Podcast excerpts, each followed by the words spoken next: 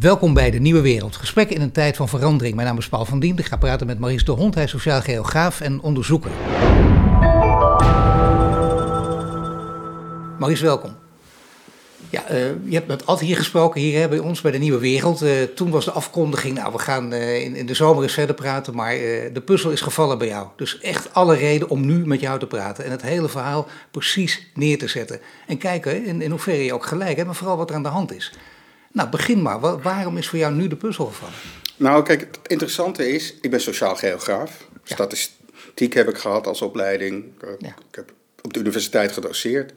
En ik, ja, ik ben getraind in het zien van patronen, ruimtelijke patronen. Ja. En ik hoef niet precies te weten wat nou de reden is. Ik kan naar de ruimtelijke patronen van spoorbanen kijken en ik hoef niet te weten hoe een trein gaat. Maar ik kan wel zien dat rondom de spoorbanen steden worden gevormd. Ja. Nou, dat was eigenlijk mijn insteek vanaf het begin die patronen bezien en kijken hoe kan dat nou komen. En zoeken naar, een zoektocht naar wat is de reden voor die patronen. Ja. En wat ik ook natuurlijk gezien heb ondertussen, ben ik de wetenschappelijke literatuur die daaraan gekoppeld werd. En dan van de ene paper kom je de ander. Dus je leert er steeds meer over. Maar ik pretendeer niet dat ik een viroloog ben die precies snapt hoe de ziekte gaat. Nee, dat is goed dat je dat erbij zegt. En iedereen die jouw blogs volgt, kan dat ook zien. Je verwijst ook voortdurend naar waar je informatie vandaan haalt. Hè? Transparant, dat kan niet. Ja, volledig transparant. En ik vind het ook prima als mensen andere conclusies trekken. En ik kan ook heel leren, veel leren uit discussies met mensen die gebaseerd op kennis tot andere conclusies komen. Dat vind ik ook helemaal niet Zeker. erg. En dat is het mooie van wetenschap ook. Het ontwikkelt zich. Je probeert steeds meer te weten te komen. Dat verwacht je dan ook van virologen natuurlijk. Dat ze steeds meer te weten komen. Is dat het geval, vind jij? Als je het van, het begin af aan ziet? Ik wil even eerst naar de andere kant beginnen. De andere kant is dat eigenlijk vanaf het begin al wel duidelijk begon te worden dat dit virus zich qua verspreiding exact gedraagt als de influenzavirus. De ziekte verloopt anders, vooral het eind is ja, dramatischer en erger. Maar de verspreiding en de verspreidingsstrategie van dat virus lijkt eigenlijk sprekend op die van influenza. Maar er is één heel groot verschil. Het grote verschil is dat als je probeert influenza te bestuderen in het verleden, dan had je het grote probleem dat een deel van de bevolking al immuun was voor de flavor of the year. Ja. Omdat je 30 jaar daarvoor al daar immuun voor was geworden. Ja. En daardoor heb je hele diffuse patronen die je heel moeilijk kan analyseren. Ik ben dit tegengekomen. Het is een hele interessante. Grote presentatie, prachtige PowerPoint over alles wat ze wisten van, uh, van het virus in 2014. WHO, mhm. groot congres in Dubai. En lees even goed wat er staat. Uh, ja, infectieziekten, die hebben een grote variëteit van intrigerende en onuit, fenomenen die ze niet makkelijk zijn kunnen uitleggen. Maar, maar niet één is zoveel waargenomen, terwijl we er zo weinig van begrijpen als de, de wijze waarop influenza zich in seizoenen gedraagt. Ja. En als je de rest daarvan ziet, dan zeggen ze eigenlijk, ja, het is interessant. Je hebt eigenlijk boven de noordelijke 30 graad breedtegraad, zoals waar wij wonen, heb je eigenlijk in de wintergriep. Daar beneden zie je soms gebieden met twee pieken. En dat lijkt dan rond het regenseizoen te liggen. Ja. En rond de evenaar zeggen ze, dat patroon snappen we helemaal niet, want dat is heel diffuus. Dan komen ze ook met een grafiek van Kuala Lumpur, wat echt vlak bij de evenaar ligt. Ja. Nou, dat zien hebbende, als je nu influenza vergelijkt en die verspreiding en uh, dit virus, dan heeft dit virus een groot voordeel bij het analyseren, omdat niemand al uh, immuun is. Dus dat, dat patroon is een zuiver patroon en niet een verduisterd patroon. Nou, als je dan kijkt wat die virologen door de jaren heen geleerd hebben over, over dat virus, dan valt eigenlijk op dat ze bij veel dingen zeggen: we zien wel dat patroon en we gaan met verklaring komen. Dat zou aan het zonlicht kunnen liggen, of dat kan omdat de mensen veel thuis zitten. Maar eigenlijk is er geen consensus, ook terwijl ze 50, 60 jaar het al bestuderen, wat het is. Dus er komen wat basisstellingen uit. Nou ja, wat je wel moet doen is dit of dit of dit. Maar eigenlijk hebben ze nooit goed doorgehad hoe influenza zich nou verspreidt. Nee, ze hadden het wel door kunnen hebben, maar ze hebben het niet doorgehad. En dat heeft natuurlijk consequenties gehad. Nou, ze hadden het. Nee, het was zo moeilijk om te zien, omdat er zoveel uh, interfererende factoren tussen zaten. En die kwamen omdat, ja, als jij een bijeenkomst hebt, wat we nu een superspread event noemen, waar al 80% immuun is, dan zal misschien 10% besmet worden. En mensen weten niet eens dat dat kwam door die bijeenkomst. Als je nu bij een grote bijeenkomst bent en 80% wordt besmet, dan weet iedereen, wacht even, dat moet die bijeenkomst zijn geweest. Ja, dat hadden we wel eerder kunnen weten. Ja, maar dat. Nee, ik bedoel, het gaat er niet om. Ik begrijp waardoor het gekomen is. En ik begrijp ook dat ze op basis daarvan een aantal, wat ik eigenlijk noem mantra's hebben opgesteld. Hoe ga je dat nou bestrijden? Nou, de mantra's zijn, die eigenlijk bij influenza al was. En nu wordt overgenomen. De anderhalve meter. Anderhalve meter, hoest zo. Handjes wassen, handen goed wassen. dag. Handen goed wassen. eh, bijeenkomsten niet. En dat was het ongeveer. En dat zijn de mantra's die eigenlijk al begin februari waren. Er was nog één mantra bij. Mond, mondkapjes bieden schijnzekerheid. Die zijn ze nu langzamerhand een beetje aan het verlaten. Ja. Maar voor de rest zijn dat de mantra's. Dat is wel interessant even om dat te constateren inderdaad. Hè. Dat waren de mantra's en dat zijn de mantra's gebleven ook. Er is Ja, geen dat is verandering gekomen. Ik zou wel een interessante vraag vinden aan de virologen. Wat hebben jullie nou de afgelopen twee, drie maanden geleerd? Ja. Afgelopen zaterdag stond een interview met eh, Van Dissel en de hoofdanalyse van, ik, geloof, ik weet niet precies hoe die heet, maar Wellinga of zo. Over van het RVM. En die zeggen ja, exit-strategie is moeilijk op te stellen, want we begrijpen zo weinig van het virus. Weet je waarom je zo weinig van het virus begrijpt? Omdat je daarnaar kijkt door de bril van de influenza-kennis. Ja.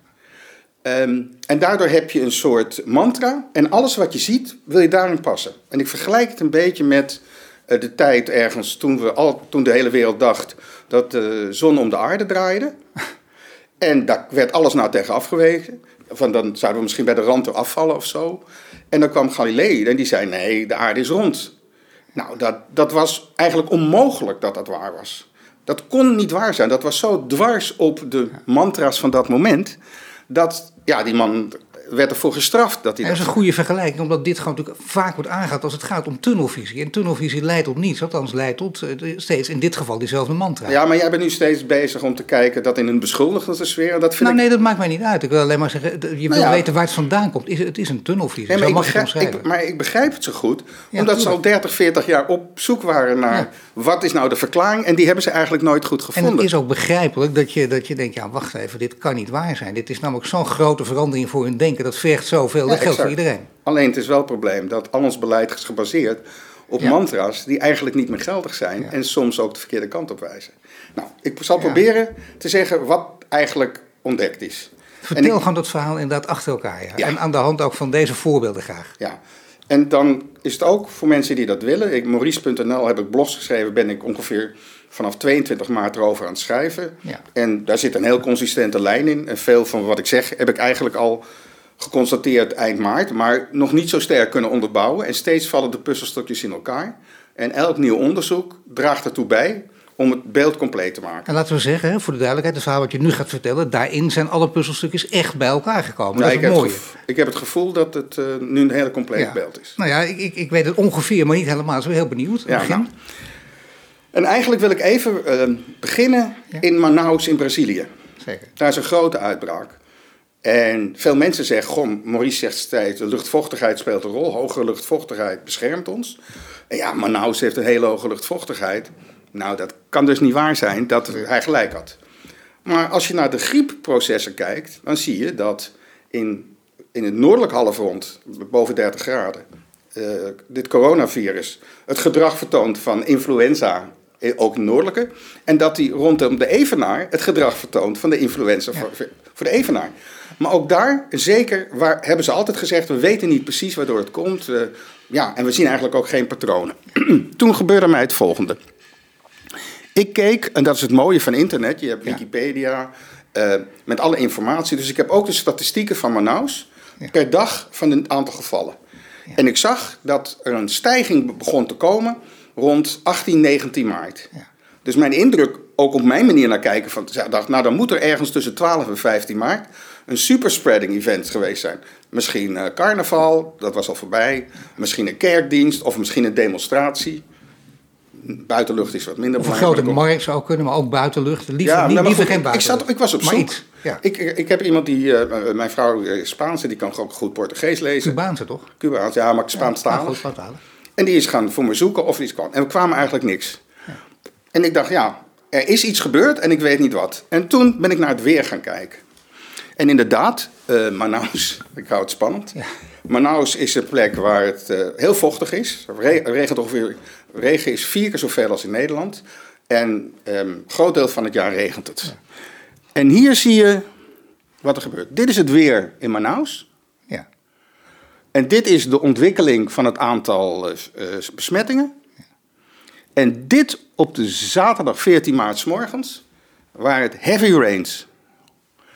Dat was hier in deze grafiek. Ze gingen allemaal naar binnen. En wat gebeurt er dan? Terwijl het leven, en dat weet ik ook in Cuba, op straat is, in huis alles open staat. Want bij de arme mensen hebben ze geen airco's, dan hebben ze hooguit vinnen draaien, maar zorgen ze dat enzovoort. En dan komt er heavy rains en dan gaan ze naar binnen, zitten met grote aantallen in een huis. En ook de, door, uh, ja, de, de, ventilatie in dat huis neemt af, want ze moeten zich ook tegen die regen beschermen. Het waait niet zoals in Nederland als het regent. En wat gebeurt er? Vijf, zes dagen daarna, bom. Daarna bleef het trouwens redelijk droog, totdat hier ergens weer een regenperiode kwam, bom. Toen ben ik naar de plaats in Ecuador, waar ook zoiets is gebeurd, Guayaquil. En daar, uh, daar is het, heeft veel vaker geregend, maar ook daar zie je een vergelijkbaar patroon. Hetzelfde patroon wat we in Nederland zien als de superspread events, zijn dus daar niet een grote bijeenkomst geweest waar iedereen besmet is geweest, maar in, in veel huizen waar ze met grote groepen zaten. Um, en dan moest er maar één besmet zijn en dan besmet die acht of tien van de aanwezigen. Dan ging het exponentieel. En dan gaat het ineens exponentieel. En, de, en het interessante is, ik begrijp ook waarom ze de patronen nooit hebben ontdekt omdat uh, er niet het patroon van wanneer was de regenbui, die, die ontdek je niet als je macro ontwikkelingen ziet en niet weet wanneer de regenbui waren. Plus, het was ook nog op een zaterdagochtend. Dus, dus als ze gewerkt hebben, waren ze, waar ook een deel van de mensen waren niet aan het werk. Nee, het is te gek. Je moet het inderdaad zo zien. Het is, het is, het is beschuldigende vinger even weg hier. Want dit moet je nu zo gezien hebben. Maar dit geeft dus wel extra kennis. Belangrijke extra Ja, want er waren, heel veel mensen snappen niet wat er nou gebeurd is. En ik was ook zo'n kwestie. Want ik, zeg, ik heb steeds gezegd, op Lesbos gaat er niks gebeuren. Want ze zijn open, ventilatie. En ook nog een hoge luchtvochtigheid. Ja. Terwijl steeds geroepen, nou daar breekt het uit. Of in Afrika, daar gaat de ramp pas beginnen. Heb ik ook steeds gezegd, nee. Omdat die ventilatie, er zullen wel wat mensen besmet worden, maar niet in de Bergamo-manier. Daar is het wel, en Guayaquil, een soort Bergamo. 7000 uh, doden of zo. Uh, nee, niet dus besmettingen. En behoorlijk veel doden daar in dat gebied. En daar was in die hele band rondom de Evenaar in Brazilië en Ecuador. Zie je dat gebeuren? En het interessante is, als je niet begrijpt waarom het gebeurt, kan je ook geen maatregelen nemen om het te voorkomen. En wat gebeurt er dan? Dan neem je een soort macromaatregel van, bij wijze van spreken, iedereen naar huis. En nou, het liefst... one size fits all. Ja, nee, maar iedereen naar huis. En het liefst blijft zes maanden op je toilet zitten en dan is het over. Ja. Nou, dan is ook de wereld over. Maar dan zal het virus ook wel weg zijn als we het allemaal in de wereld doen. Als je wel precies snapt hoe het gebeurt, dan kan je veel gerichtere maatregelen nemen. En dan merk je dat die mantra's die er zijn, eigenlijk niet de juiste uh, aanwijzingen zijn voor hoe dat virus zich verspreidt. En dat je ook op bepaalde punten zelfs de verkeerde instructies geeft. En de echte gevaren niet onderkent. Dat is pijnlijk, dat is pijnlijk. Want je moet steeds proberen hiervoor open te staan. met, met behulp van deze kennis dus steeds nieuwe mantra's ook ontwikkelen. Dat kan niet anders. En nooit meer van die algemene mantra's dus. Ja, en dat is eigenlijk ehm, het interessante wat er dan gebeurt. Dat je eigenlijk niet het gevoel hebt dat die nieuwe kennis uh, snel een onderdeel wordt van het discours binnen die wetenschappers.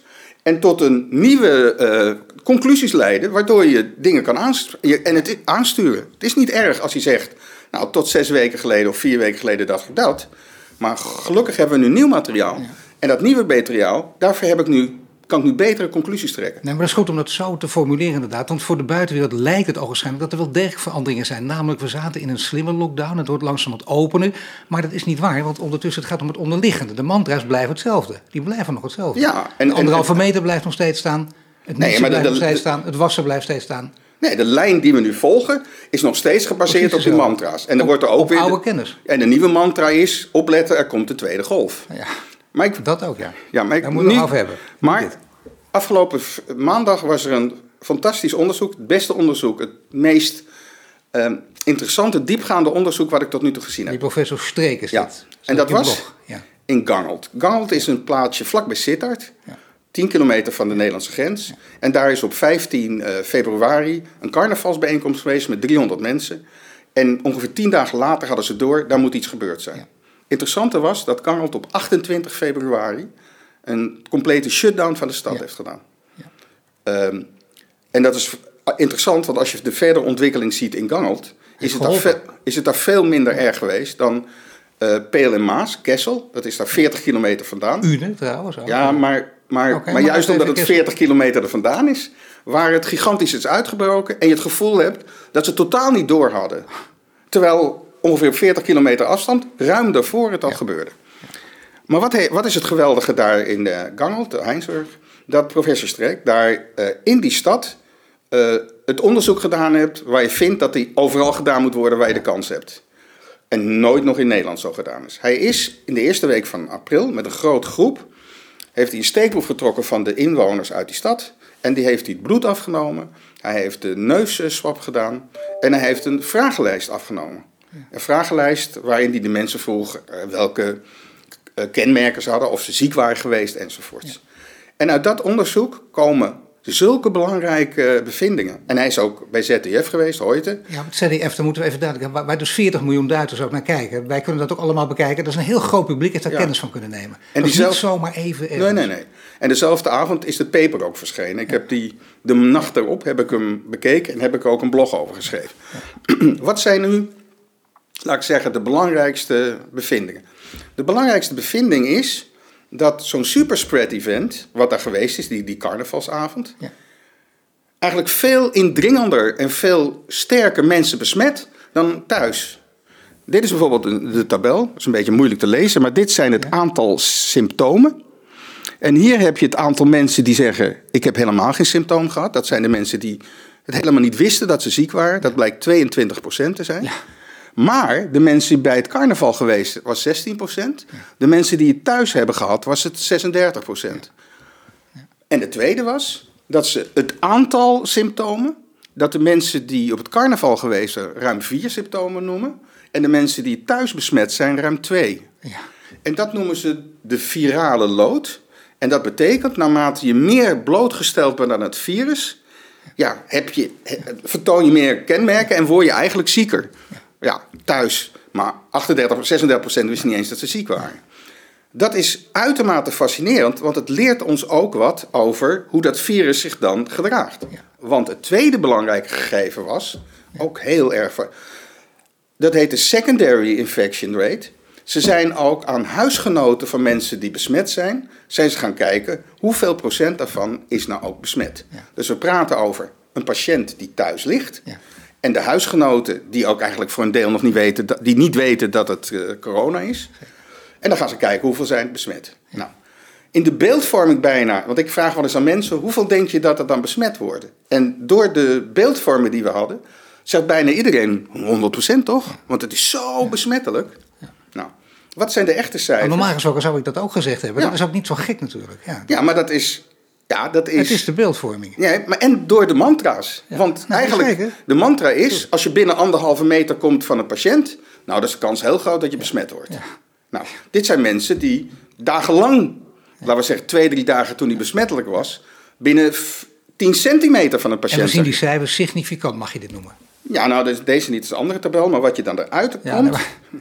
In een vierpersoons huishouden hebben de tweede, derde en vierde persoon amper meer besmetting dan het gemiddelde van de stad. Ja. In een tweepersoonshuishouding is nog steeds 60% van de partners is niet besmet. Ja.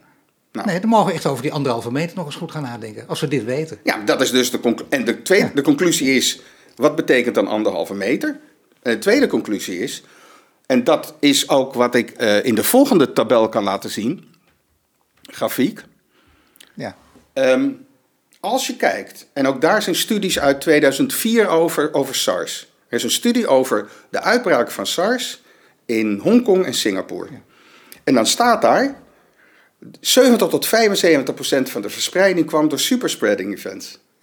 Ik was verbijsterd toen ik het las. Het staat gewoon in een, in een wetenschappelijk paper. Dat is een virus, hè? Ja, maar dat Oh ja, is. maar Nee, goed, SARS, nee, SARS is de voorloper. Ja. Is ook een corona-type.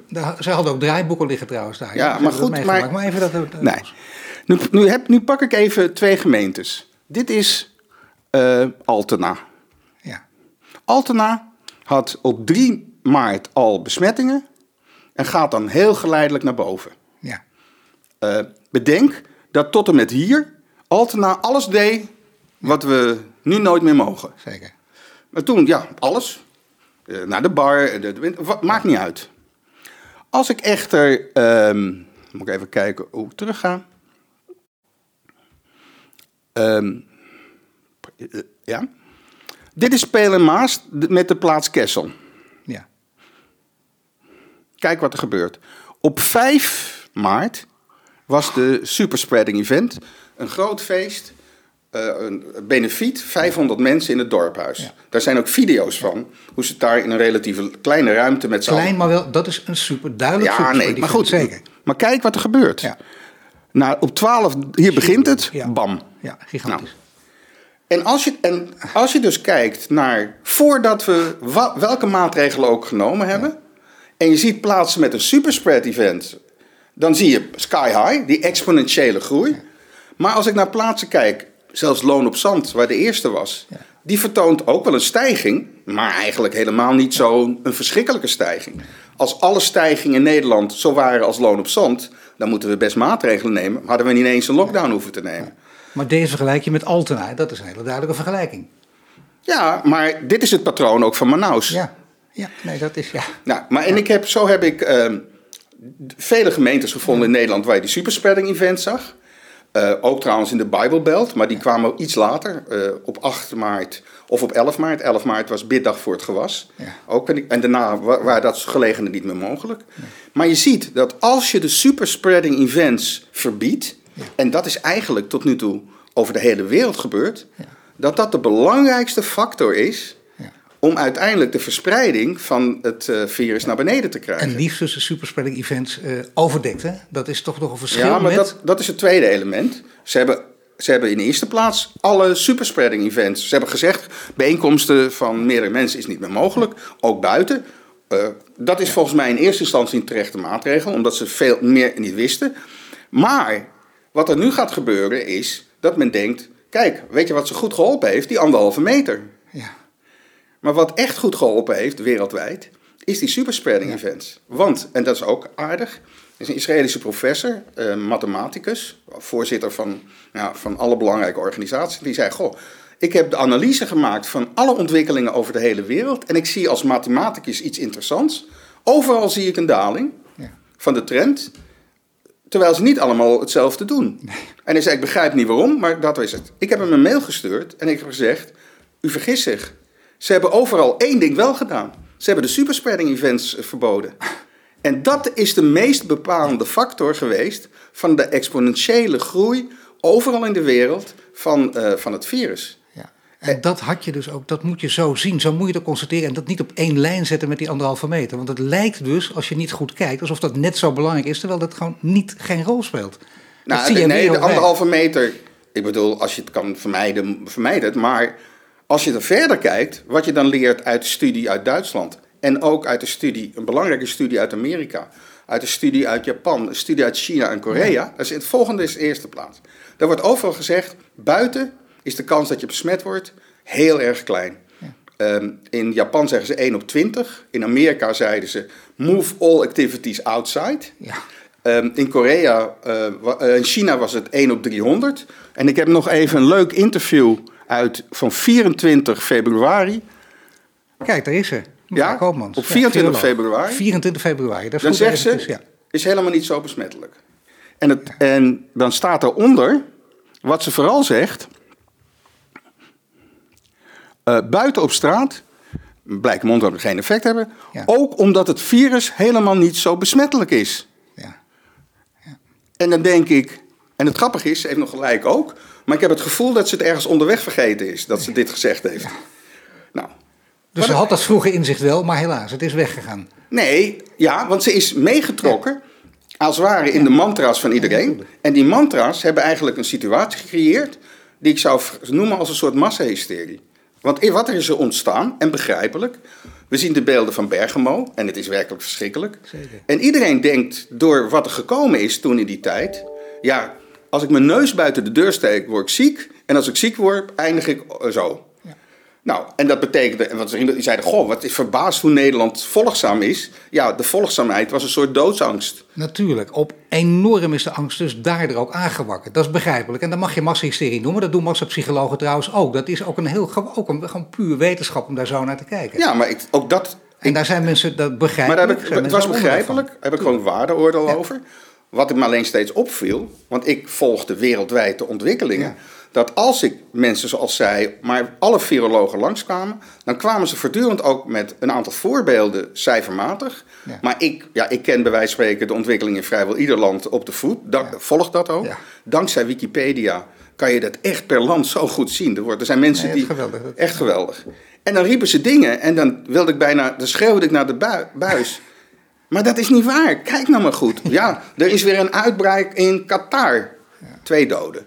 Eh, ik vind het ook zo leuk. Suriname één dode. Ja, ik dacht van laten we eens aan Suriname vragen wat het geheim is van Suriname. Maar goed. Ja. En wat je dan ziet, voortdurend, en ook dat is geen waardeoordeel, dat als die mensen worden geïnterviewd bij Op1 of bij Jinek of waar dan ook, dat er eigenlijk alleen maar, eh, ja, ze mogen wat zeggen, maar ze krijgen niet heel wei- weinig kritisch tegenwicht. Eh, hooguit dat ze nu weer wat anders zeggen dan vroeger, maar u zei toch toen mondkapjes. Maar de andere dingen die ze zeggen, eh, ik hoor, het is nu een beetje de tweede golf die steeds langskomt. Dus dat is weer een nieuwe mantra. We moeten ontzettend opletten voor de tweede golf. Nou ja, in het najaar, hè? Daar, daar Nee, daar, nee, nee, nee, nee. Daar, moet- daar moeten we wel voor opletten. Wat er nu gezegd wordt, alle maatregelen die we nu nemen, die zijn eigenlijk onder voorbehoud dat er niet weer een nieuwe uitbarsting plaatsvindt. Want dan moeten we weer terugdraaien. En want, en dan elke viroloog die weer langskomt, ja, let op de tweede golf. Ja. Nou, het interessante is, laten we even bekijken wat is nou echt de tweede golf. In de beeldvorming die je hoort, pas op voor de tweede golf, denk je, als we niet opletten, krijgen we dezelfde situatie dat er weer 1400 mensen op die zee liggen. Dat is het gevoel van de tweede golf. Wat in werkelijkheid wel een beetje zou kunnen gebeuren, dat we nu, nou, we gaan naar 30, 20 doden per dag. En misschien gaan we wel weer naar 25 doden per dag. Alleen is dat de tweede golf waar we ontzettend bang voor moeten zijn? Dat is ontzettend de vraag. Maar in de beeldvorming worden we eigenlijk weer kort gehouden vanuit... let op, als je je niet goed gedraagt, dan moeten we weer stappen terug doen. Maar duidelijk voor de duidelijkheid, goed gedragen betekent dus die hele, hele reeks van mantra's weer opvolgen. Daar geen hiërarchie ook in zien. Hè? Superspread event staat op dezelfde niveau als anderhalve meter afstand, als handen wassen. Nou, eh, we dit Ja, ja en, er wordt eigenlijk gedaan. Alles wat we nu, eh, eh, wat we nu zien als goede dingen, is te danken aan die maatregelen. Precies. En het lijkt nog steeds om dat ze steeds nog roepen dat de aarde plat is. Want kijk maar, je ziet de zon nog steeds draaien. Dus kijk, dat is het bewijs. En, en, en wat je dus, en wat nu het, het erge daarvan is, dat, een, dat die mantra's voor een deel ehm, eigenlijk onjuist zijn. Dat is nu inmiddels gebleken. Dat je daardoor, laat ik zeggen, de maatschappij veel langzamer laat opstarten, economisch en sociaal, dan mogelijk zou Met zijn. alle gevolgen van dien. Ja, met alle gevolgen van dien. Maar last but not least, je hebt ook nog een blinde vlek over wat de werkelijke gevaren zijn. Omdat de, als je voortdurend blijft roepen, wat de WHO doet, en eigenlijk ook Van Dissel roept, dat de aerosols, dus die microdruppels, maar een heel klein effect hebben op het geheel. En Ja, dat, dat dat, mengsel van druppels is dat. hè? ja, die, die, de, Ja. de kleine druppels, die bij, volgens mij, heel duidelijk, dat is ook de literatuur, bij dat superspread events rondzweven. Ja. En daarom zorgen dat die mensen die daar besmet worden, veel meer besmet worden dan de ander. Want als het zou zijn dat ze alleen besmet zouden worden omdat ze het via contact krijgen, dan zouden ze net zo besmet zijn als iemand thuis. Maar ze worden veel zwaarder besmet omdat ze twee, drie uur in een omgeving verkeren waar die virus maar blijft zweven.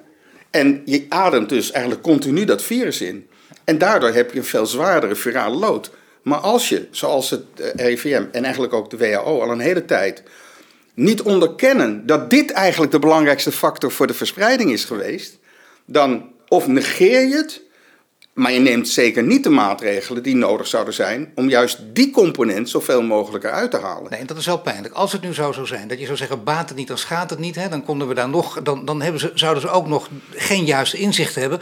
Maar dan waren de gevolgen niet desastreus. Die zijn ze nu wel. Dus je moet toe naar nieuwe mantra's, of niet? Ja, nou, dat, en als, ja, als je mijn, mijn blogs leest, ik heb begin. Ja, hou op zeg. Nee, maar ik, Ik ben er verslaafd aan geraakt. Hè? Nee, maar als je begin april, heb ik al gezegd, we kunnen Ja. veel eerder dan 28 april Ja. alle dingen doen. Want als je naar de cijfers kijkt, Ja. al die cijfers die zo naar beneden gegaan, dat kon je wist je al eind maart. Dus de situatie waar we nu in zitten, die was die, die cijfermatig, was die gewoon voorspelbaar. En dan kan je wel zeggen, we gaan het nu doen. Je had het ook drie weken geleden kunnen doen. Het effect op vandaag waren de aantallen precies hetzelfde geweest. Als je goed had geweten wat je ging doen. Maar als je gewoon de mensen hebt die jou adviseren en roepen: we weten helemaal niet hoe het werkt. En dus alleen maar met elkaar voortdurend de angst aanwakkert. Als je te snel doet, dan gaat het weer uitbarsten en dan moeten we weer terug. Ja, dan is het ook logisch dat. Vervolgens ook geen kritiek willen, want oh, oh dat zou toch eens, daar komt alles over je heen. Je, je kunt moeilijk zeggen, ik heb het voort- voortdurend verkeerd gezien. Ook, ook op basis van, van, ja. dat, op basis van al die zaken die wij hier zeggen. Want je zegt het al, het is niet veroordelend, het is op basis van wat je ziet. Hebben ze met jou gesproken? Heeft het OMT bijvoorbeeld jou ooit uitgenodigd? Nee, ik ben, eh, ik ben in, dat is helemaal eh, niet. eh, ik weet niet, ik hoop dat ze het een beetje gelezen hebben, maar ik heb er daar niks van teruggevonden. Ja, ze Maar- moeten het gelezen hebben. Ik- Ja, maar? Nee, nou, als het gelezen hebben, heb ik het in een beleid niet Ah, teruggevonden. ik hoorde het woord superspread Ja, nou heb ik Rutte, heb Premier, ik, Rutte heb ik gisteren een paar dingen horen zeggen. die ik inderdaad vier, vijf, zes weken geleden had opgeschreven. Maar het, het erge is eigenlijk dat. Doordat ze A, daar met z'n 10, 11 virologen bij elkaar zitten. en ook niet allemaal dezelfde mening hebben.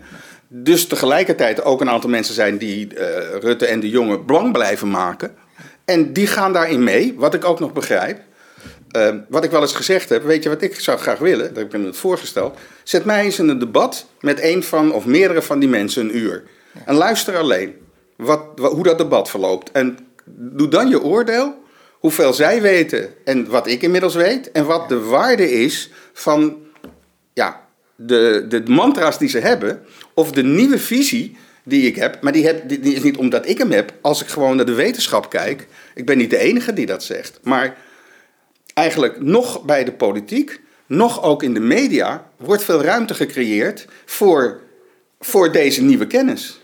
Toch is het eh, verbazingwekkend, hè? want je zou je beleid, het is belangrijk genoeg om je beleid eh, op basis van nieuw inzicht aan te passen. Dat is ons wel beloofd natuurlijk door de premier ook. We weten maar 50% Nou, we weten langzamerhand steeds meer. Maar als je meer weet, moet je dus ook een nieuwe inzicht ontwikkelen en die tot nieuw beleid vertalen. Dat is niet gebeurd.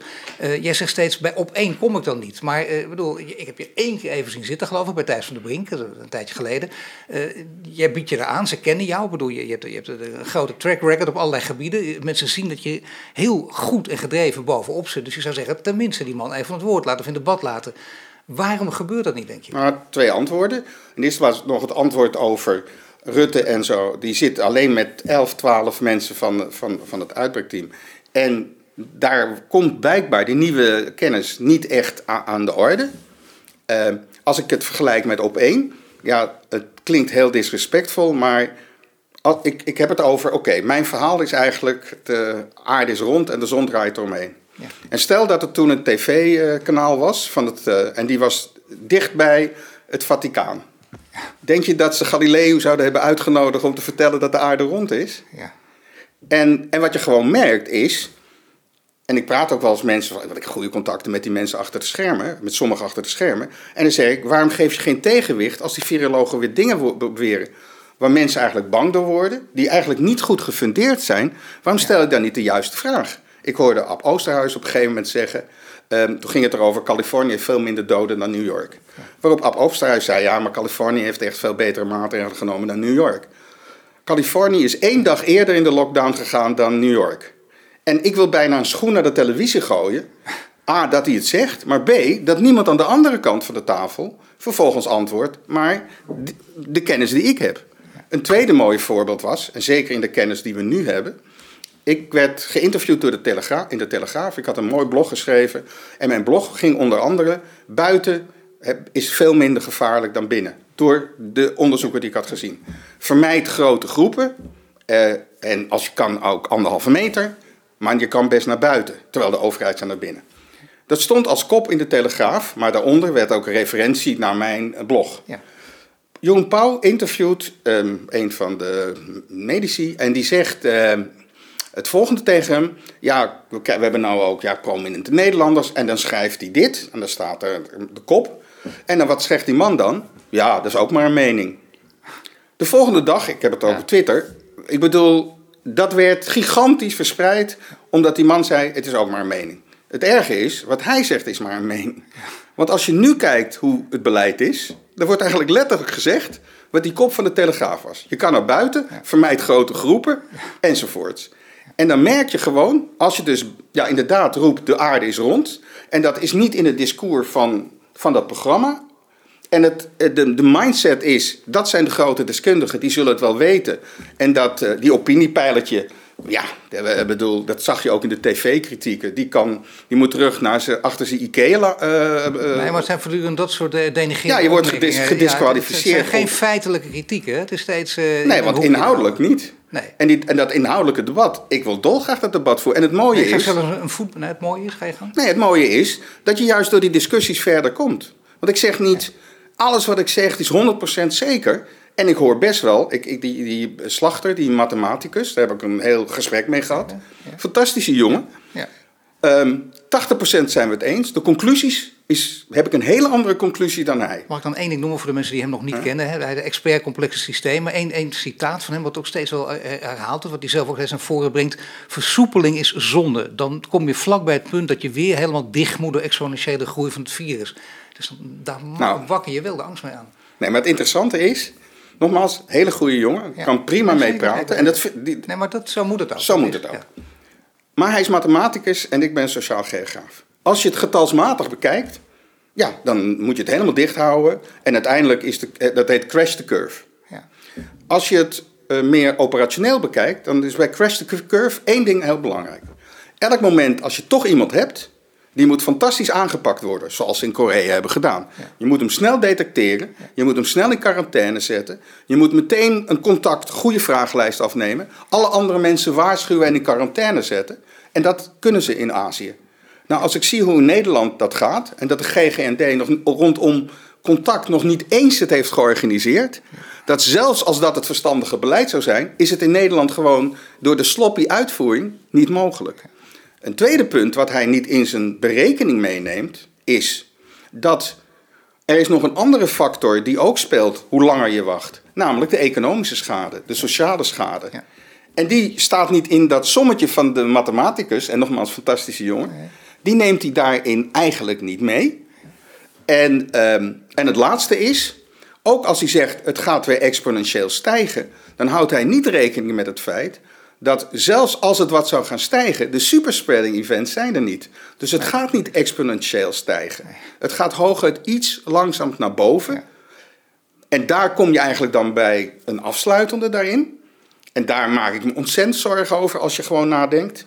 Ook dat heeft de overheid gezegd. We gaan nu meer vrijer, we gaan dit doen, we gaan dat doen. Maar denk erom, als het eh, de verkeerde kant op gaat, dan moeten we maatregelen terugnemen. Nou is de centrale volgende vraag.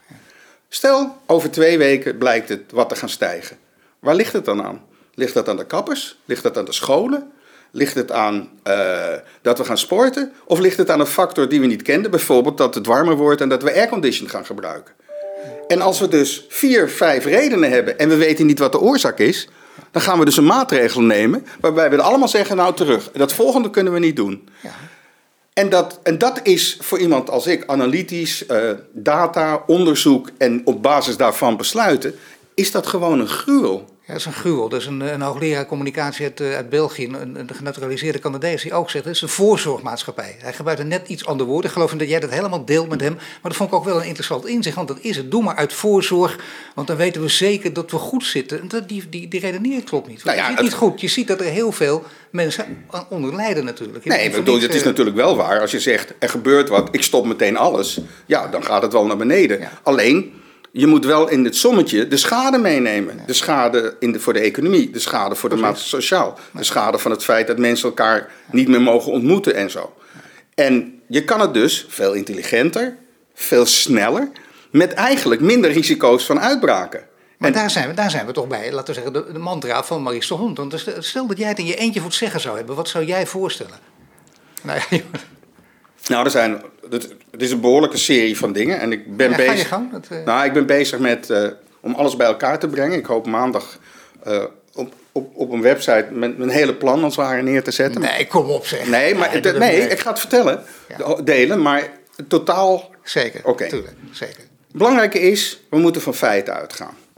De, waar ik ook me ontzettend zit te ergeren met al die deskundigen.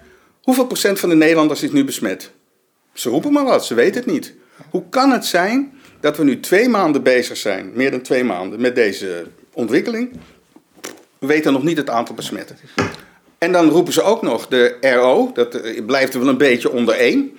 Nou, hoe je die berekenen, laat maten ze niet zien. Maar ik heb ook in de wetenschappelijke wereld gezien. Die RO die hangt van een aantal factoren af en die moet ook keuzes maken. Je kan een sommetje maken waarbij de RO net één is, maar ook een half. Ja. En eigenlijk als je de patronen ziet in Nederland, zie je gewoon het daalt, het daalt, het daalt. Ja. Nou, dus één, laat de feiten op tafel. Een van de belangrijke feiten is, wat ook veel mensen niet beseffen, wat is nou de sterftekans per leeftijd? Nou, laten we eens even de groep nemen onder de 40 jaar. Ja.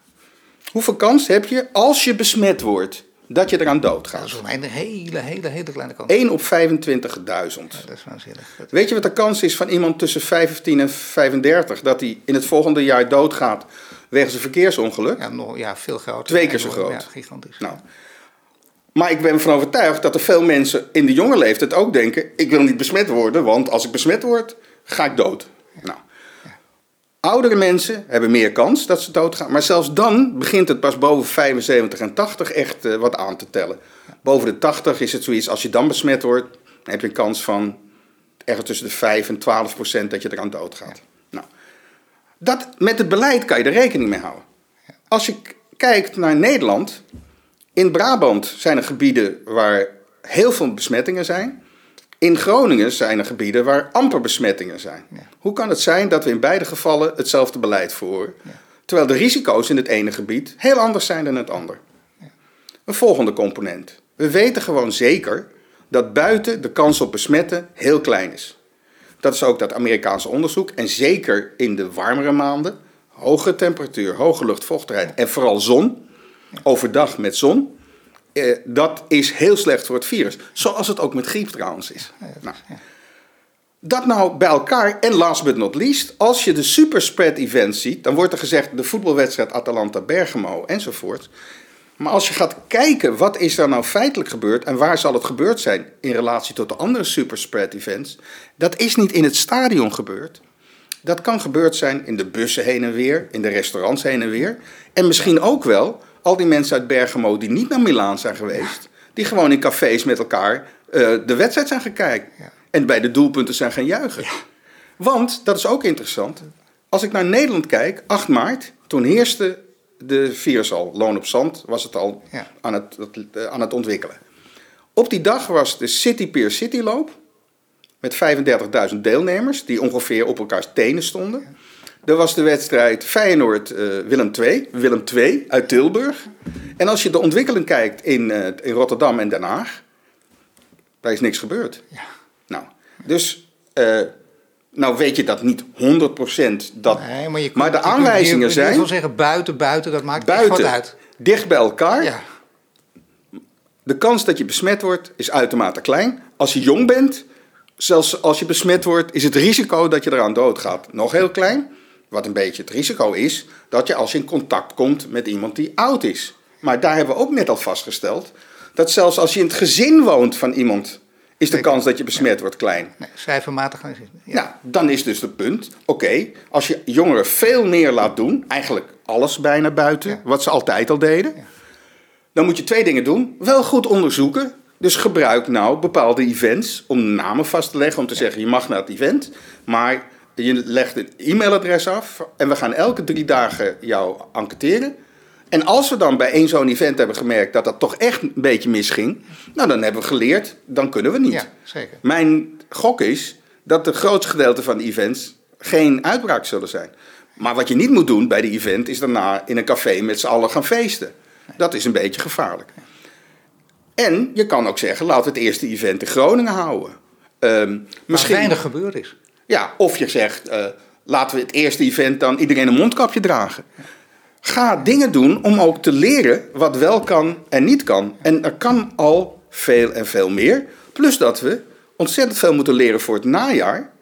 Want het najaar, als het virus niet echt onder controle is, gaat het weer, krijgt het weer condities om het uit te barsten. Als je dan weer voortdurend gaat roepen van we gaan de kerken weer open doen, nou, dan heb je de superspread events alweer ingelopen. Dus als je niet de kennis nu bij verzamelt en gericht gebruikt, dan kan je dus, dan weet je bijna zeker dat het weer helemaal misgaat. Terwijl je, als je het goed doet, ik heb laten zien dat voordat we de uh, shutdown hadden in Nederland, de lockdown in Nederland hadden, dat er in bepaalde gemeenten, daar heerst het, maar is het helemaal niet uitgebroken. Vandaag is een heel interessant iets, uh, was de Tweede Kamer een presentatie van het Dissel, en die heeft de resultaten laten zien van bloedbankonderzoek. Ja. Nou is dat bloedbankonderzoek niet echt maatstafgevend, want als je je bloed gaf, dan mocht je het niet doen als je de twee weken ervoor ziek was geweest. Dus je kan hooguit zeggen, ze hebben begin april gemeten, maar dat moet de situatie van ongeveer twee weken ervoor geweest zijn. Maar wat was interessant? Blaricum en Haarlem, daar bleek het relatief veel voor te komen. Waarom? Wintersport, nou, dat zijn de gebieden waar het geweest zijn. Ga je kijken naar de uitbraak in Nederland, niet in Blaricum en niet in Haarlem. En toch had je daar besmette mensen. Waar waren de grote uitbraken? Bij de superspread events, eerst carnaval en toen de kerken in, in, de, in Brabant en daarna de kerken in de Bijbelbelt. Ook dat geeft dus alweer de aanwijzing dat de verspreiding van het virus. Ja, ze had gelijk toen ze zei: hij is helemaal niet zo makkelijk te verspreiden. Alleen, je moet geen condities scheppen. Hij zou toen heel sterk moeten zijn, maar inderdaad binnen de eigen beroepsgroep en er volledig tegen ingaan. Dat is veel gevraagd, maar het is heel interessant om naar te verwijzen, ja, dat dat gebeurt ja, is. Maar ik heb er daarna voortdurend uh, uh, vooral dingen horen zeggen die mensen bang maakten. Ja. En als je al die kennis gebruikt en goed gebruikt en nu gebruikt, dan kan je op een veel uitgekindere manier de, de, de, de, de weg gaan die we nu gaan. Maar laten we zeggen, dit, dit, dit is laten we zeggen, de achtergrond, hè, de, de, de, de voedingsbodem onder het plan, de hond, zoals je het nu neerlegt. Maar wat is dat in een paar... Stel, je moet naar de persconferentie, hè, mensen moeten allemaal kunnen begrijpen. Er kijken 8 miljoen mensen en dan moet je vertellen, we gaan dit, dat en dat en dat doen. En zou jij zeggen, Supersport Events zouden ook mogen binnenkort, maar geen feestjes na afloop? Nee, ik zou, kijk, nee waar, waar ik zou beginnen is. Sorry, de anderhalve meter maatschappij, dat was een verkeerd concept. Ja. Uh, begrijpelijk, maar dat laten we even achter ons. Dat ik zou trouwens. Ik zou ondernemers, maar liever toch je kennis bijstellen. Nou, in de eerste plaats zou ik eerst, wat ook gisteren gedaan werd, de zorg bedanken voor de fantastische heldendaden die ze gedaan hebben. Dat, dat is cruciaal, is fantastisch. Zeker. Uh, dat waren onze frontsoldaten. Maar nu, wat zou ik doen op basis van die kennis, waarvan A, de economie veel sneller opstart. En B, wat heel belangrijk is, dat vervolgens uh, de gevaren eigenlijk kleiner zijn ja. en zo. Ja. Ik zou zeggen, waar het niet gevaarlijk is, is buiten. U mag naar buiten. Vrijwel alle activiteiten buiten kunnen gedaan worden. Zonder beperkingen. Jongeren kunnen dat eigenlijk vrijer doen dan ouderen. Ouderen zijn een wat grotere risicogroep. Maar als je zelf vindt dat je wel naar buiten kan, doe dat. Maar neem voorzorgen. Bijvoorbeeld, als, neem daar wel een goed mondkapje als je ouder bent. Ga nog niet op plekken waar de risico's wat groter zijn. Jongeren kunnen eigenlijk vrijwel alles doen wat ze tot nu toe deden, buiten. Ja. Dan heb je binnen. Binnen um, is een veel gevaarlijker plek, want daar niet zozeer door die anderhalve meterachtige dingen, maar door die aerosols die zweven. Openbaar vervoer is op dat punt problematisch. Blijkt ook uit Chinees onderzoek. Redelijk, daar zijn redelijk wat gevallen ontstaan. Daar sta je dicht op elkaar, maar vooral daar is de ventilatie slecht. Ja. Dat betekent mondbescherming, maar niet op 1 juni, vandaag. Ik snap het niet eens. Dat was heel gek. Dat is heel gek, ja. Nou, nee, ik, zeg het verkeerd. het had 5 maart, april moeten zijn. Nee, maar zelfs gisteren was het raar. Het is een veranderd inzicht. Dat geef je ook toe dan. Ze zijn wel nodig, maar nu hoeft het nog niet. Dat, dat ja, dus blijkbaar nou, niet zo belangrijk. Nou, een argument is het toch vrij stil in de treinen, dus ja. het maakt nu niet uit. Ja. dat maakt, maar goed, vandaag, nogmaals al eerder. Trouwens, winkels, dat zijn ook heel veel landen die dat doen om ons heen. Winkels doet ook maar een mondkapje. Ik denk dat je in supermarktachtige winkels waar veel koeling is, de luchtvochtigheid dermate hoog is dat er weinig gevaar is. Maar kledingwinkels, eh, winkelcentra zijn die gevaren wat groter.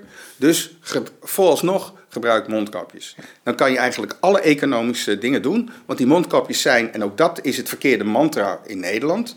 Die mondkapjes zijn niet om mij te beschermen. Ik doe die mondkapjes om om jou te beschermen. En het mooie is, als je dat op een goede manier presenteert, dan is iedereen die je op straat ziet met een mondkapje lopen, is een held. Want die doet dat om jou niet te, beschermen, jou niet te besmetten. Als we het neerzetten van, eigenlijk is het wetenschappelijk nog niet aangetoond, maar laten we het maar voor alle zekerheid doen. Dan maak je er een soort uh, uh, arme variant van. Terwijl je, het is de rijkste variant die je, die je kan dan bedenken. Maak, dat, dan maak je een arme variant, dus inderdaad een uh, psychologisch hele sterke. Bovendien maak je het dan ook weer te makkelijk en dan denken mensen, ach het hoeft eigenlijk niet. Nou ja, Als het zo is, hoeft het eigenlijk niet, hè, maar dan krijg je ook weer. Je ja, maar, maar, maar ik zou in ieder geval zeggen, anderhalve meter in een trein is niet nodig, een openbaar vervoer. En in de winkel eigenlijk ook niet, als je die mondbescherming draagt. En die moet je verplicht dragen. We komen trouwens best in een fase, zeker als we veel meer testen, dat er ook nogal wat mensen zijn die al besmet zijn. Waarom zouden die nog mondkapjes dragen? Dat worden eigenlijk de, de nieuwe categorie. Die, die hebben als het een vrijstelling. En het interessante is, naarmate die groep groter wordt, kunnen die meer bijdrage leveren om de samenleving in stand te houden. Ja. Je zou best in restaurants een bijeen, uh, uh, vanavond alleen maar eten voor mensen die het al gehad hebben. En die mogen, over, mogen op elkaar schoot gaan zitten. Ja, ja dat is. Maar goed. Nee, zover. Nou, maar een tweede. Ja, zeker. Binnenshuis, op plekken binnenshuis bij mensen thuis, is het gevaar gering als er geen vreemden thuiskomen. Ja. Ik bedoel, dus daar hoef je, ik bedoel, het is wel goed, de ventilatie is altijd goed, de vochtigheid is altijd goed, maar je hebt het niet strikt nodig. Maar, maar er zijn wel allerlei binnenshuisplekken waar wel vreemde mensen komen. Scholen, uh, zorginstellingen. Want de grote problematiek bij de zorginstellingen was niet omdat er te weinig mondkapjes waren bij het personeel. Ook dat was er. Maar de echte reden waarom het zoveel in die thuis zijn uh, gepakt, is omdat het luchtventilatiesysteem, het luchtcirculatiesysteem in dat soort gebouwen, daar is het virus ingekomen en verspreid onder alle aanwezigen. En dan zie je ook daar dat er zijn daar, waar echt 20, 30 procent van de bewoners dood zijn gegaan. En dat lijkt ook een beetje op wat er in die marineschepen is gebeurd, waar in één klap 900 man zijn besmet. Dat is niet gebeurd omdat er één iemand hoestend, proestend langs 900 man liep. Er was 2, 3, 4, 5 besmet. Het ging het luchtcirculatiesysteem in. Bingo. Maar als je, zoals de WHO en RVM zegt, op die manier gebeurt dat niet. Het is via direct contact. En dit negeer je bijna. Dan tref je ook geen voorzieningen. Ik heb echt, ik denk eind maart, begin april, aan mensen in de politiek geschreven: jongens, die luchtvochtigheid en die ventilatie is een belangrijk punt. Zorg nou dat op plekken waar het kwetsbaar is, dat gebeurt. En overal in de wereld was het ook zo dat bij uh, verzorgingstellingen zijn heel veel slachtoffers gevallen. Dat komt omdat ze, ja, dan ga je de deur niet openzetten, want die uitjes kunnen verkouden worden. Nee, je liet de deur dicht en daardoor gingen ze dood. Ja. En maar je zegt nou mensen in de politiek, dat betekent dat zijn Kamerleden die, die, die, die van wanten kunnen weten. Die, die hebben dan ook met je gesproken. Ik bedoel, eh, je hebt achter de schermen, ja, maar, die kwamen er... maar je hebt met ze gesproken. Nee, ik heb veel contacten gehad, maar die kwamen er ook niet doorheen. Want wat gebeurde er? De politiek, eh, de, de regering, luisterde alleen maar naar het RVM.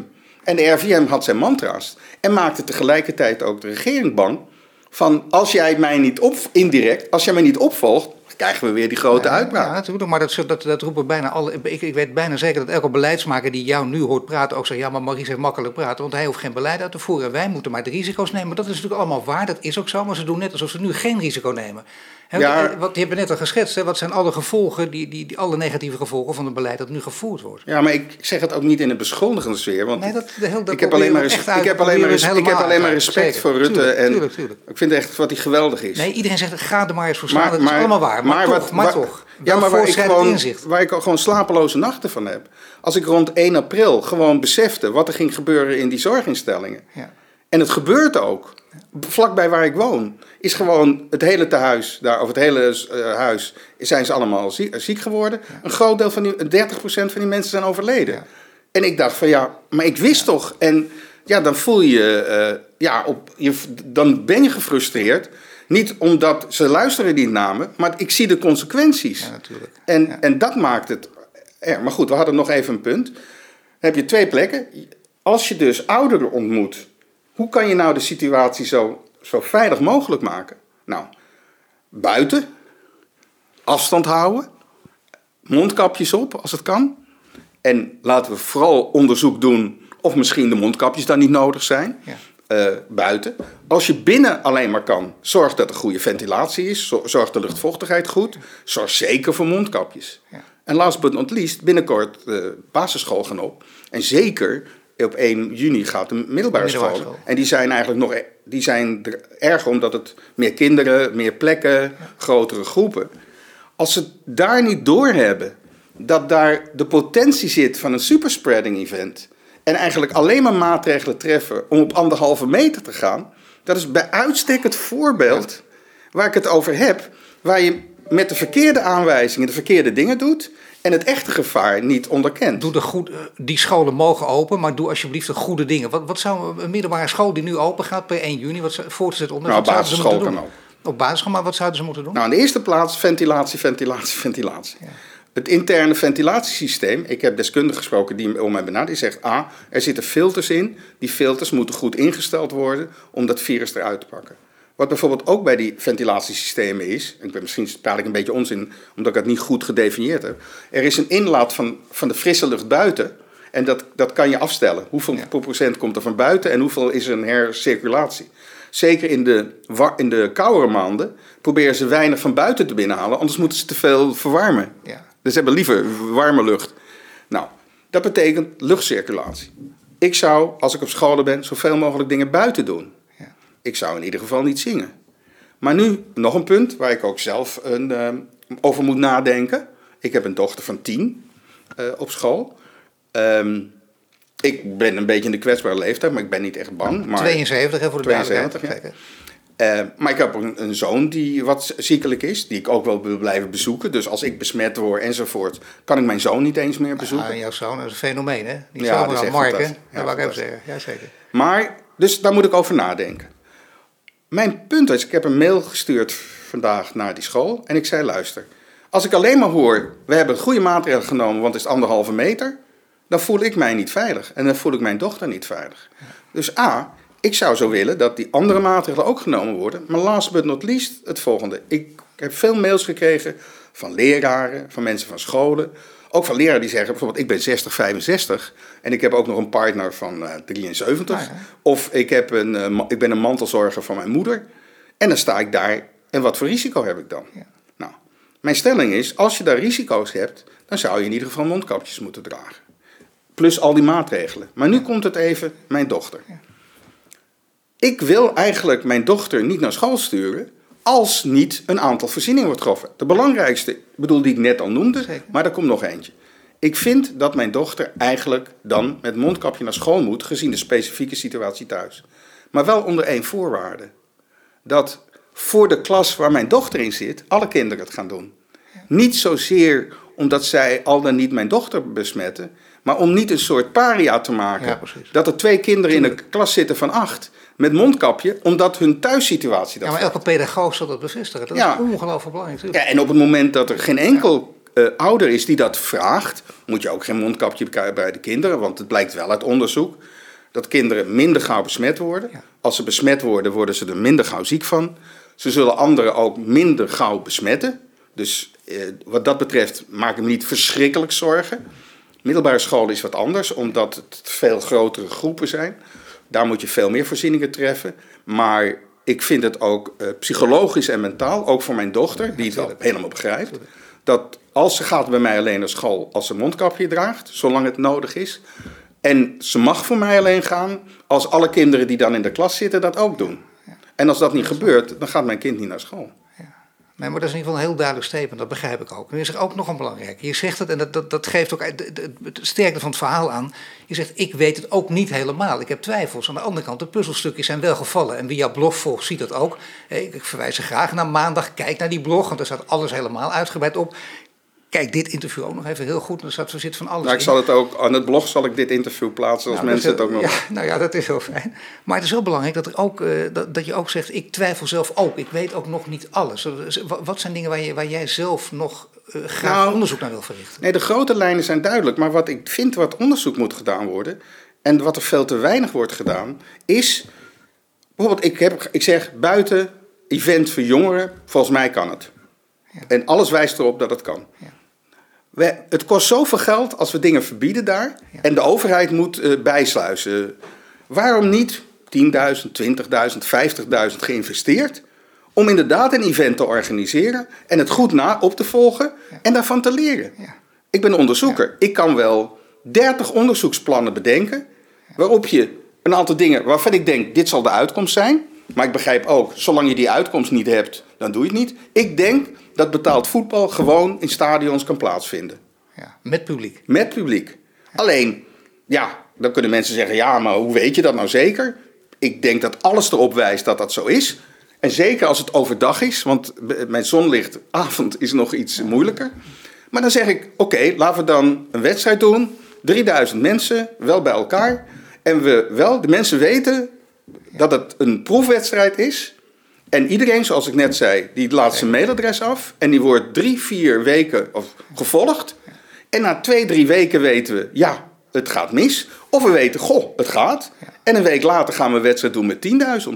Of we gaan zeggen, we doen een wedstrijd met alleen mondkapjes. Ja, het enige wat een beleidsmaker of, hier zal zeggen, die zal toch niet durven niet. Die zal ook zeggen, ja, maar stel dat er maar één dode valt. Oh, dan krijg je dus meteen... Je nee, want, nee, want al die mensen weten dat zij meedoen daarmee. En als ze niet willen komen, moeten ze niet komen. Nee, dat Plus dat alle mensen die, niet, die al besmet zijn, die kunnen sowieso uh, uh, in, het, in een speciaal, in het VIP-vak. Ja, ja, ja, maar het mooie is, wat ik nu voor voetbal zeg, dat kan ook in het concertgebouw. Dat kan ook in de stad Schouwburg. En we gaan nu, ik las, um, het, uh, theaters mogen 30 man, dat mag. Inclusief personeel. Nou, dan, dus, dan mogen er zes bezoekers bij. dat is, ja, dat is waanzinnig. Ja, maar, is, en dat met restaurants, met, overal worden er dingen bedacht waarvan je denkt, ja, dat is achter een tekentafel bedacht. Van mensen totaal niet weten hoe het gaat. Het concertgebouw is een mooi voorbeeld. Triest en mooi. Ik, uh, ik had gezien dat in uh, Seattle, in de buurt, was er een, een koor waar iedereen anderhalve meter had gehouden enzovoort. In LA Times een fantastisch artikel eind maart. 45 van de 60 zijn besmet geraakt, ondanks alle voorzorg. En meerdere dood. En het was dus weer een goed voorbeeld. Eerste echt een mooie beschreven voorbeeld. Superspreading event. Iedereen nam de goede maatregelen, toch iedereen besmet. Vrijwel iedereen besmet. Nou. Um, en op andere plekken ook, het zingen in die kerk. En er waren nog twee andere tekenen dat koren heel kwetsbaar zijn. Waarom zijn die waarschijnlijk kwetsbaar? Je zingt inderdaad je longen uit je lijf. Ja, als je een vergadering hebt, dan hoeft er maar één besmet te zijn. De, de, als de, de man die spreekt niet besmet is, dan ben je veilig. Maar als iedereen zingt, hoeft er maar één besmet te zijn en ieder ander wordt. Nou, ik kreeg contact met mensen van een koor in Nederland. Die zei, 90 van onze 120 leden zijn ziek en ook een paar dood. En die vertelde ook, eh, we repeteerden ongeveer begin maart. Toen waren er al mensen aan het kwakkelen. We hebben ook nog een, eh, een uitvoering gehad in het concertgebouw. En toen was een deel niet aanwezig omdat ze al ziek waren. En toen vroeg ik, zijn er nog mensen in het concertgebouw ziek geworden? Nou, dat wist hij niet echt. Ehm, de indruk was eigenlijk dat het daar niet massaal is gebeurd. En misschien is het daar niet gebeurd omdat het concertgebouw zo hoog is. Of omdat de ventilatie zodanig loopt dat. Want die aerosols die zullen waarschijnlijk opstijgen. Nou, ook dat is kennis als we die goed verzamelen, dan weten we wat we wel kunnen en wat we niet kunnen. En dan weet je of je dus wel gewoon naar concertgebouw kunt, of je gewoon naar uh, muziekuitvoering kunt, maar ook bijvoorbeeld of je naar uh, inderdaad de bioscoop kan, zoals je zegt, naar ja. theater. Maar wel met een mondkapje op. Ja, maar wel naast elkaar zitten. Maar met een mondkapje ook op. Nou, misschien, ja zeker om te beginnen. Maar in een restaurant, daar kun je geen mondkapje op, dus wat doe je daar? Nou, in, in restaurants zijn ook allerlei dingen mogelijk. In de eerste plaats jongeren ik, zou een, een, een, een, eh, ik zou bijvoorbeeld zeggen, nou, vanavond hebben we alleen mensen onder de 40, helaas. Voorlopig moet dat zo. Nou, die kunnen doen wat ze willen. En dan, dan, dan zou je kunnen zeggen, nou, we zetten tafels iets verder van elkaar. Ehm, in Zweden is het, je mag niet met elkaar aan de bar zitten, maar wel aan tafels. Wat ze ook doen in sommige is, je hebt een afvalpunt waar je eten haalt bij de keuken en niet de ober die overal rondloopt. Of de ober heeft wel een. Uh, daar kun je creatief over nadenken, maar, dan heb je een heel. Een, ja, maar als je vervolgens goed, goed registreert, dan, dan, kan weet je, dan weet je... Een nieuwe kennis. Ja, nieuwe kennis. En op basis van die nieuwe kennis ga je de volgende stap doen. En nu weten, eh, laten we zeggen, bij de politiek is het wel doordrongen. Je praat er schermen ook met mensen uit de mediawereld. Maar je praat ook met bijvoorbeeld internationale onderzoekers en internationale politici. Uh, bijvoorbeeld, uh, ik noem maar wat, de Verenigde Naties, of ik noem maar wat. Dat is ook een belangrijke uh, club. Daar heb je ook contact met mensen of niet? Ja, nee, ik word uit de hele wereld benaderd. Ik werd benaderd door een adviseur van, uh, in een Zuid-Amerikaans land van de president daar. Ja. En die zei, goh, ik heb stukken gelezen, leg het me eens uit. Ja. En kan je nou dat eens beschrijven? Ik ben door een onderafdeling van de Verenigde Naties gevraagd over hoe denk je erover, waarom denk je hoe dat daar loopt, enzovoort. Uh, ik heb meerdere professoren waar ik mails van krijg die zeggen: Goh, ja, onze kennis is meer virologie en microbiologie. Maar jij bent eigenlijk, uh, ja, hoe heet het ook weer? Uh, aanvullend. Want jouw invalshoek, dat, dat, zo kijken wij er niet ja. tegen. Maar het klopt wel met elkaar. Als het OMT dit nu ziet en die denkt, wat dit is nog lang niet voorbij, we, we moeten Marisa nou eens een keertje gaan uitnodigen, die maken gewoon onderdeel van dit team, zeg je dan ja of nee? Ja, natuurlijk zeg ik ja. Ik, ik ben, alleen wat ik merk is, um, dat ook, omdat juist ook de, bijvoorbeeld de, de, de main media eigenlijk het weinig opnemen, dat je ook niet in de picture komt. Bijvoorbeeld Slachter, waar ik het net over had, ja. Bert Slachter. Prima man, goede ideeën, zeker moet hij daar besproken worden. Die is nu al voor de tweede keer bij uh, op één en terecht. Ja. Nogmaals, zijn conclusies vind ik andere conclusies dan mij. Maar... Ik zeg het even bij, niet om jou nu helemaal in de verdediging te nemen. Maar het is, je zegt dit niet omdat je. Dan gaan mensen zeggen, oh, hij wil weer op de voorgrond. Nee, het is, je zegt nee. gewoon logisch weer een verhaal vertellen. En dan komt er ook een betere discussie. Ik ben ook wel benieuwd, eigenlijk moeten we dat een keer doen. Misschien hier een tafel neerzetten. Ja, ik zou het Met een paar virologen. En gewoon Ja, met z'n vier de tafel gaan zitten. Ja, maar daar zit, ik ben een paar dagen geleden, 4 mei, kwam ik ineens tot een soort eh, rare ontdekking waarom ik nou zo zwaar gemotiveerd ben. Ik wist al voor mezelf, waarom ben ik zo gemotiveerd? Omdat ik denk, jongens, dit is de grootste crisis na de Tweede Wereldoorlog. Niet alleen gezondheid, maar ik maak me ontzettend zorgen over wat er economisch gaat gebeuren. Ik maak me ontzettend zorgen wat er sociaal gaat gebeuren. En wat daar weer de gevolgen van zijn. Natuurlijk. Dus dat zie ik allemaal. Dus dat motiveert me. Maar toen kwam ik ineens, door dat 4 mei, en dan denk ik wat meer aan mijn oude oorlog. Mijn ouders hebben allebei in het concentratiekamp gezeten. En 4 mei was altijd een hele zware dag. Ja, natuurlijk. Tien, tien dagen daarvoor werd het al stiller in huis. En mijn vader was echt heel heldhaftig tijdens de oorlog. Hij heeft ook stichting 40, 45 verzetspensioen gehad. En mijn vader vertelde me het volgende verhaal. Uh, voor de oorlog was hij in een soort hulpgroep die Duitse vluchtelingen hielp die in Nederland waren aan voedsel en kleding. En die zaten in Westerbork. Dat, was, dat kamp was voor de Duitse vluchtelingen. En mijn vader is meermalen in Westerbork geweest voor de oorlog en wist dus wat er in Duitsland aan de hand was. Toen de Duitsers binnenkwamen, is mijn vader, heeft hij onmiddellijk zijn familie gerecht. We gaan naar Muiden, probeer weg te komen, want dit wordt verschrikkelijk. Die wilde helemaal niet, die geloofde hem helemaal niet. En uiteindelijk zijn uh, eigenlijk al die mensen waarmee hij weg wilde gaan, zijn allemaal vermoord. Hij is de enige die overgebleven heeft. En wat was zijn frustratie? Hij zag het komen, hij heeft het verteld en het werd niet opgepikt.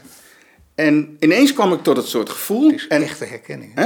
Het is echt, ik zou bijna zeggen, letterlijk een patroonherkenning. Nee, maar dat Ja, is wat ik ineens oh, merkte. Dat is, ja. Dat was bijna een schok voor mij. En mensen zeggen, ja, mag je wel een vergelijking met de oorlog maken? Die maakt niet met de oorlog. Ik maak een vergelijking met Ja, mijn vader. natuurlijk. Die het zag komen. Ja. Die het ook vertelde. En waar niet op ingegaan werd. En dat is een beetje het patroon wat ik nu bij mij herken. En echt niet, ja, eh, ik moet de eer hebben, kan mij wat schelen. Eh, daar gaat het helemaal niet om. Nee, ik zie dat in Nederland en eigenlijk in de hele wereld een grote ramp zich aan het voltrekken is. Ik denk dat we, nou, you ain't seen nothing yet, wat er nog allemaal gaat gebeuren. En een deel daarvan was te vermijden. Een deel daarvan zouden we beter kunnen oplossen als we er nu intelligent mee omgingen. Landen zijn in lockdown gegaan, lachwekkend. Als je bijvoorbeeld ziet in India, je- dan had je bijvoorbeeld weer een journalist op de tv van het journaal. En die stond eh, Lesbos. Daar heb ik wel tien zien staan. En die zeggen: Jongens, eh, ja, moet je eens kijken hoe ze dicht ze op elkaar wonen. Als het hier uitbreekt, nou verschrikkelijk. Dan eh grote ramp. Want zitten ze op anderhalve meter. Nee, kijk maar. Ik heb elke keer tot naar de tv geroepen: daar gaat het niet gebeuren. Waarom gaat. En wat riepen ze ook nog? Geluk is, het is nog niet begonnen. Waarom is het nog niet begonnen? Nou, omdat die mensen in huizen wonen waar, de groot, waar echte ventilatie is.